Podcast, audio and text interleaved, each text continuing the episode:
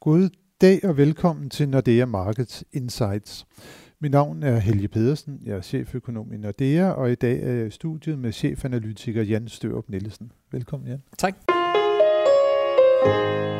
Det har været en uge, hvor usikkerheden igen har sat sit præg på finansmarkederne. Aktiekurserne er bølget op og ned i takt med meldingerne om, hvordan handelskrigen mellem USA og resten af verden henholdsvis eskaleres op og ned, og hvordan det går med at skabe enighed i EU om det, som jo har været det alt dominerende emne, nemlig løsningen på migrantkrisen.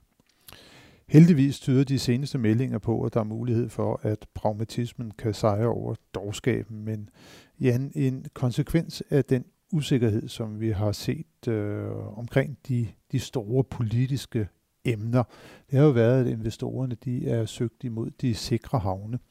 Og det har jo betydet, at renten herhjemme og i udlandet er faldet ret markant igen. Vi er så lige kommet på banen med en ny prognose, og der forventer vi, at renten den skal til at stige.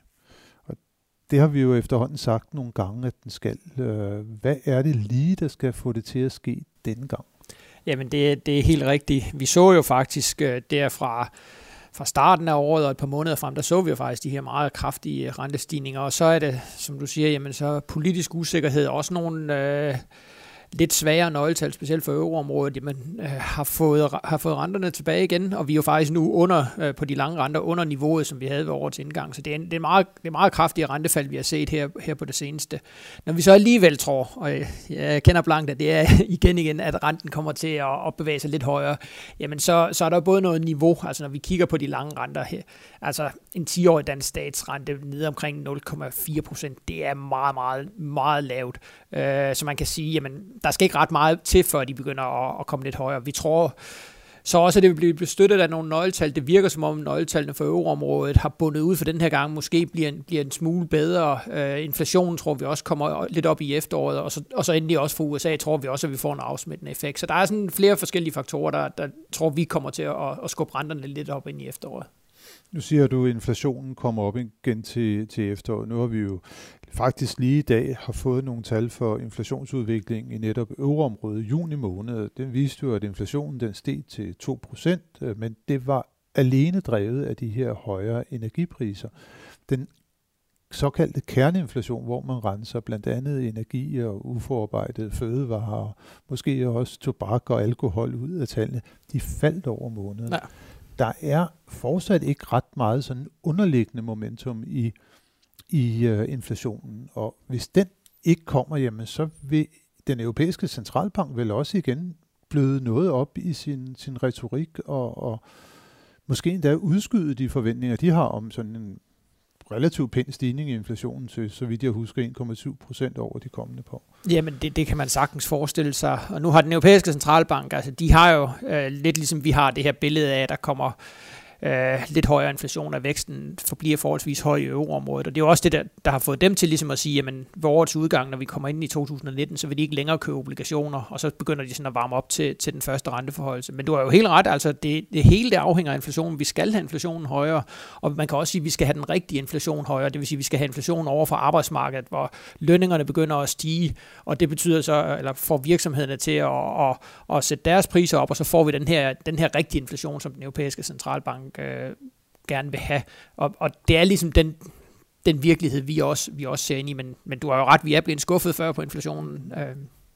Ja, der er både lønningerne, men så ligger der jo altså også det led i det, som jeg i hvert fald har fremhævet nogle gange, sådan at profitmarginerne, de kan også være lidt, lidt svære at sætte op, også fordi man får en masse nye handelsplatformer, der bliver langt mere gennemsigtighed i, i, i, i prisdannelsen i almindelighed, og jeg synes det i hvert fald, det bliver sindssygt spændende at se, om den inflation faktisk øh, kommer til at rokke sig ret meget ud af stedet. Ja, vi kan jo bare se herhjemme, altså nu med, snakker man meget om Amazon, der kommer ind på det danske marked, jamen det er jo også en af de her ting, der er med til at, at trykke priserne, og det er jo bestemt ikke kun i Danmark. Så den her øget gennemsigtighed, øh, internet, mere og mere, der flytter over på internettet, øh, jamen det, det, det er helt sikkert med til at, at presse priserne ned. Og, og igen, hvis vi ikke får inflation, jamen så får vi altså heller ikke øh, højere renter. Nej, får vi ikke højere rente, og det regner vi jo med, at mm. Øh, vi kommer til at få, men så vil det jo under alle omstændigheder også være understøttende for den økonomiske vækst i, i Danmark og også i, i hele euroområdet. Og der kan vi jo også lige nævne, at vi nu har fået konfirmeret væksten i første kvartal herhjemme. Den landede faktisk på, på 0,4 procent i, i, i første kvartal. Øh, og det lyder jo sådan set ok, men det er jo stadigvæk noget lavere end det, som vi så i løbet af, af 2017, der jo faktisk også endte med at, at få den højeste vækst, som vi har set siden 6, nemlig 2,3 procent. Hvorfor er det, at det sådan går lidt træt øh, med, med sådan væksten i dansk økonomi? Øh, altså, det, det går jo fint, men, mm. men, men væksten er jo stadigvæk ikke sådan prangende. Nej, og det der, det der nok er den største udfordring lige nu, man kan sige, hvis vi kigger på, på sådan en underfordeling, jamen husholdningerne, deres forbrug vokser stadigvæk rigtig pænt, så der er sådan set, øh, det er lige, øh, lige efter bogen. Der, hvor der har, der har været noget svaghed, det har været øh, på eksportsiden. Danske virksomheder er blevet ramt, blevet ramt af den her alene snak om øget protektionisme. Vi kan se den globale den globale handel er ligesom bremset op. Øhm, så, så det, det gør rigtig ondt på, på danske eksportvirksomheder. Og så har vi også de her afledte effekter fra, at vi har, har fået en, dans, eller en stærkere dansk krone over for dollar, øh, over for nogle andre valutaer. Det, det gør også ondt på virksomhederne. Øh, så det er den her kombination af lidt mindre efterspørgsel, og så øh, en svagere konkurrence, fordi øh, den danske krone bliver stærkere. Det, det rammer altså på eksportsiden, og det er det, der gør, at vi ikke ligesom kommer op over, op over 2%, i hvert fald lige, øh, lige på den korte bane i dansk økonomi i væksten. Og hvad skal vi regne med sådan for, for resten af året så? Jamen, jeg tror, de her 0,4-0,5 over kvartalet, det kommer til at fortsætte, og det, når vi så lægger det sammen, jamen, så, så ligner det, at vi får en vækst i dansk økonomi i 2018 på sådan 1,5-1,3 kvart procent. Øh, og det er rigtigt, hvis vi sammenligner det med 2017, jamen, så er det noget lavere, men der skal vi også huske på, at der var altså nogle store indgangsindtægter i 2017, der ligesom løftede det kunstigt op. Øh, så hvis man ser bort fra det, jamen så en lidt lavere vækst i 2018, end det vi havde i 2017. Øh, primært fordi eksporten har fået det lidt sværere. Og i hvert fald en vækst, som vil være tilstrækkeligt høj til, at arbejdsmarkedet vil fortsætte den gode gænge, som det er inde i. Og det måske øh, så også kan resulterer i, at der kommer noget, noget flaskehalsproblematik og noget Øh, måske lønpres, ja. også i dansk økonomi. Jamen helt sikkert, og det er jo den absolut øh, mest positive udvikling i dansk økonomi, det her med, at vi ser hver eneste måned, der bliver skabt 2, 3, 4.000 nye arbejdspladser.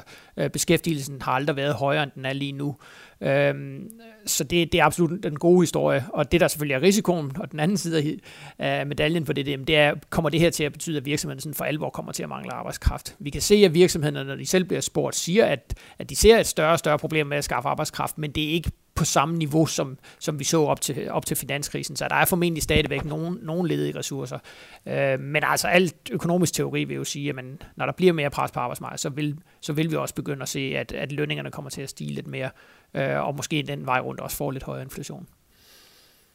Det er også øh, noget, som der bliver diskuteret ret meget i nogle af de andre nordiske lande. Arbejdsmarkedet er stærkt blandt andet i Sverige. Inflationen, den har sådan også der har svært ved at komme op, og løninflationen, den er heller ikke rigtig fuld med. Øh, Riksbanken har jo en inflationsmålsætning. Inflationen skal være på de her omkring 2 procent.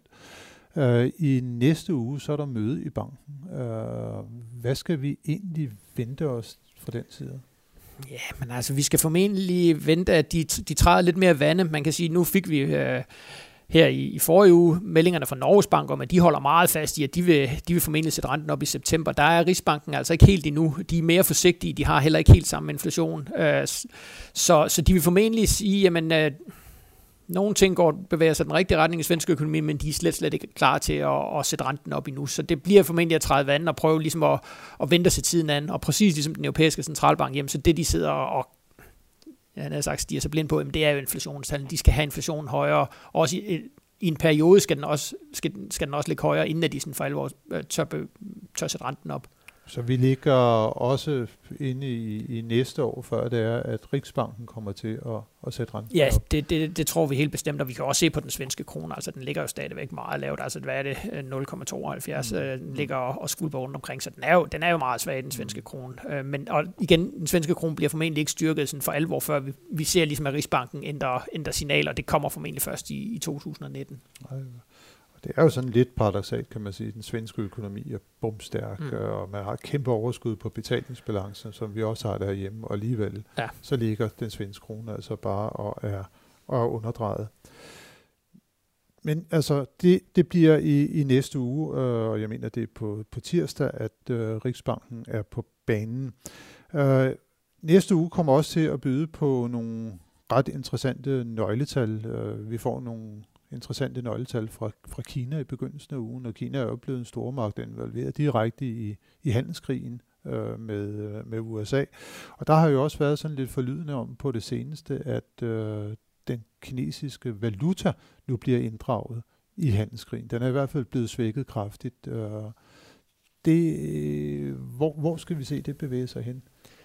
Jamen det er jo rigtigt, det er jo et af de instrumenter, som man ligesom kan sige, kineserne kan skrue på. De har jo stadigvæk øh, relativt stor kontrol over deres egen valuta. Den er jo ikke fritflydende, ligesom vi kender øh, i den vestlige verden. Så det er en af metoderne, at Kina ligesom kan, kan skrue på deres egen konkurrenceevne ved at sige, så svækker vi den kinesiske valuta, og så ved de jo godt, jamen øh, så får de en konkurrencefordel, for eksempel i forhold til USA. Så det er sådan et, et, en brik i det her store øh, globale handelskrigsspil, der, der kører lige nu, at, øh, at kineserne siger, at hvis USA går alt for langt i forhold til det her med at importtol, jamen så, så kan vi jo bare svække valutaen, og så, så er man jo sådan set lige vidt. Ja, det bliver man næsten nødt til, fordi at Kina har jo ikke nær så stor en import. Nej. Og amerikanske varer, som USA har, det er kinesiske, så amerikanerne kan faktisk lægge 12 på mange andre varer. Så egentlig er det måske lidt smart, det som øh, Jamen som helt gør. sikkert, og det er jo, det er jo, det er jo lidt paradoxalt, at det er, det er et problem for kineserne, at de simpelthen ikke importerer nok til, at de snart kan, kan, lægge, øh, kan lægge mere 12 på, og så kan man jo bare, eller bare, men så kan man svække valutaen som et, som et andet instrument. Og så er det jo, og det er jo det, vi er så bekymret for, det her med, jamen, at det så eskalerer, at kineserne svækker deres valuta, det får Trump til at blive endnu mere aggressiv, og så, og så køre den her spiral. Så det, det bliver meget, meget spændende at se. Også i forhold til de kinesiske nøgletal, vi får, om de begynder også at, at lide skade, eller i hvert fald, at man bliver mere bekymret også i Kina øh, for, for den her udvikling.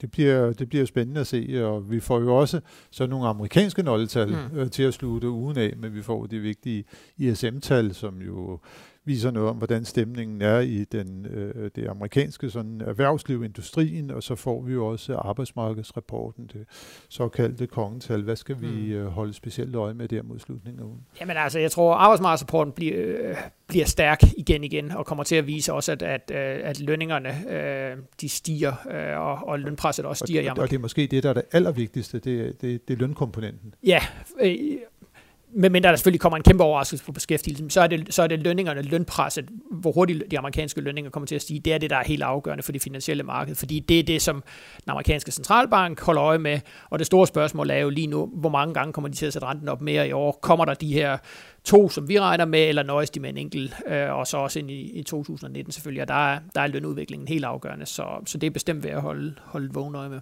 Og det kommer vi til at gøre på, på næste fredag det kommer til at blive spændende at se, hvad, hvad ugen kommer til at byde os i det hele taget. Øh, det er jo også den første uge i skolernes sommerferie, så der er jo sikkert mange af jer lyttere, som der også går på sommerferie næste uge, men øh, i hvert fald vil vi sige mange tak øh, til alle jer, som har lyttet med, og det håber vi altså også, at I gør øh, en gang i næste uge, selvom I måtte være på sommerferie, hvor vi i hvert fald er tilbage med friske analyser og vurderinger af udviklingen på de finansielle markeder.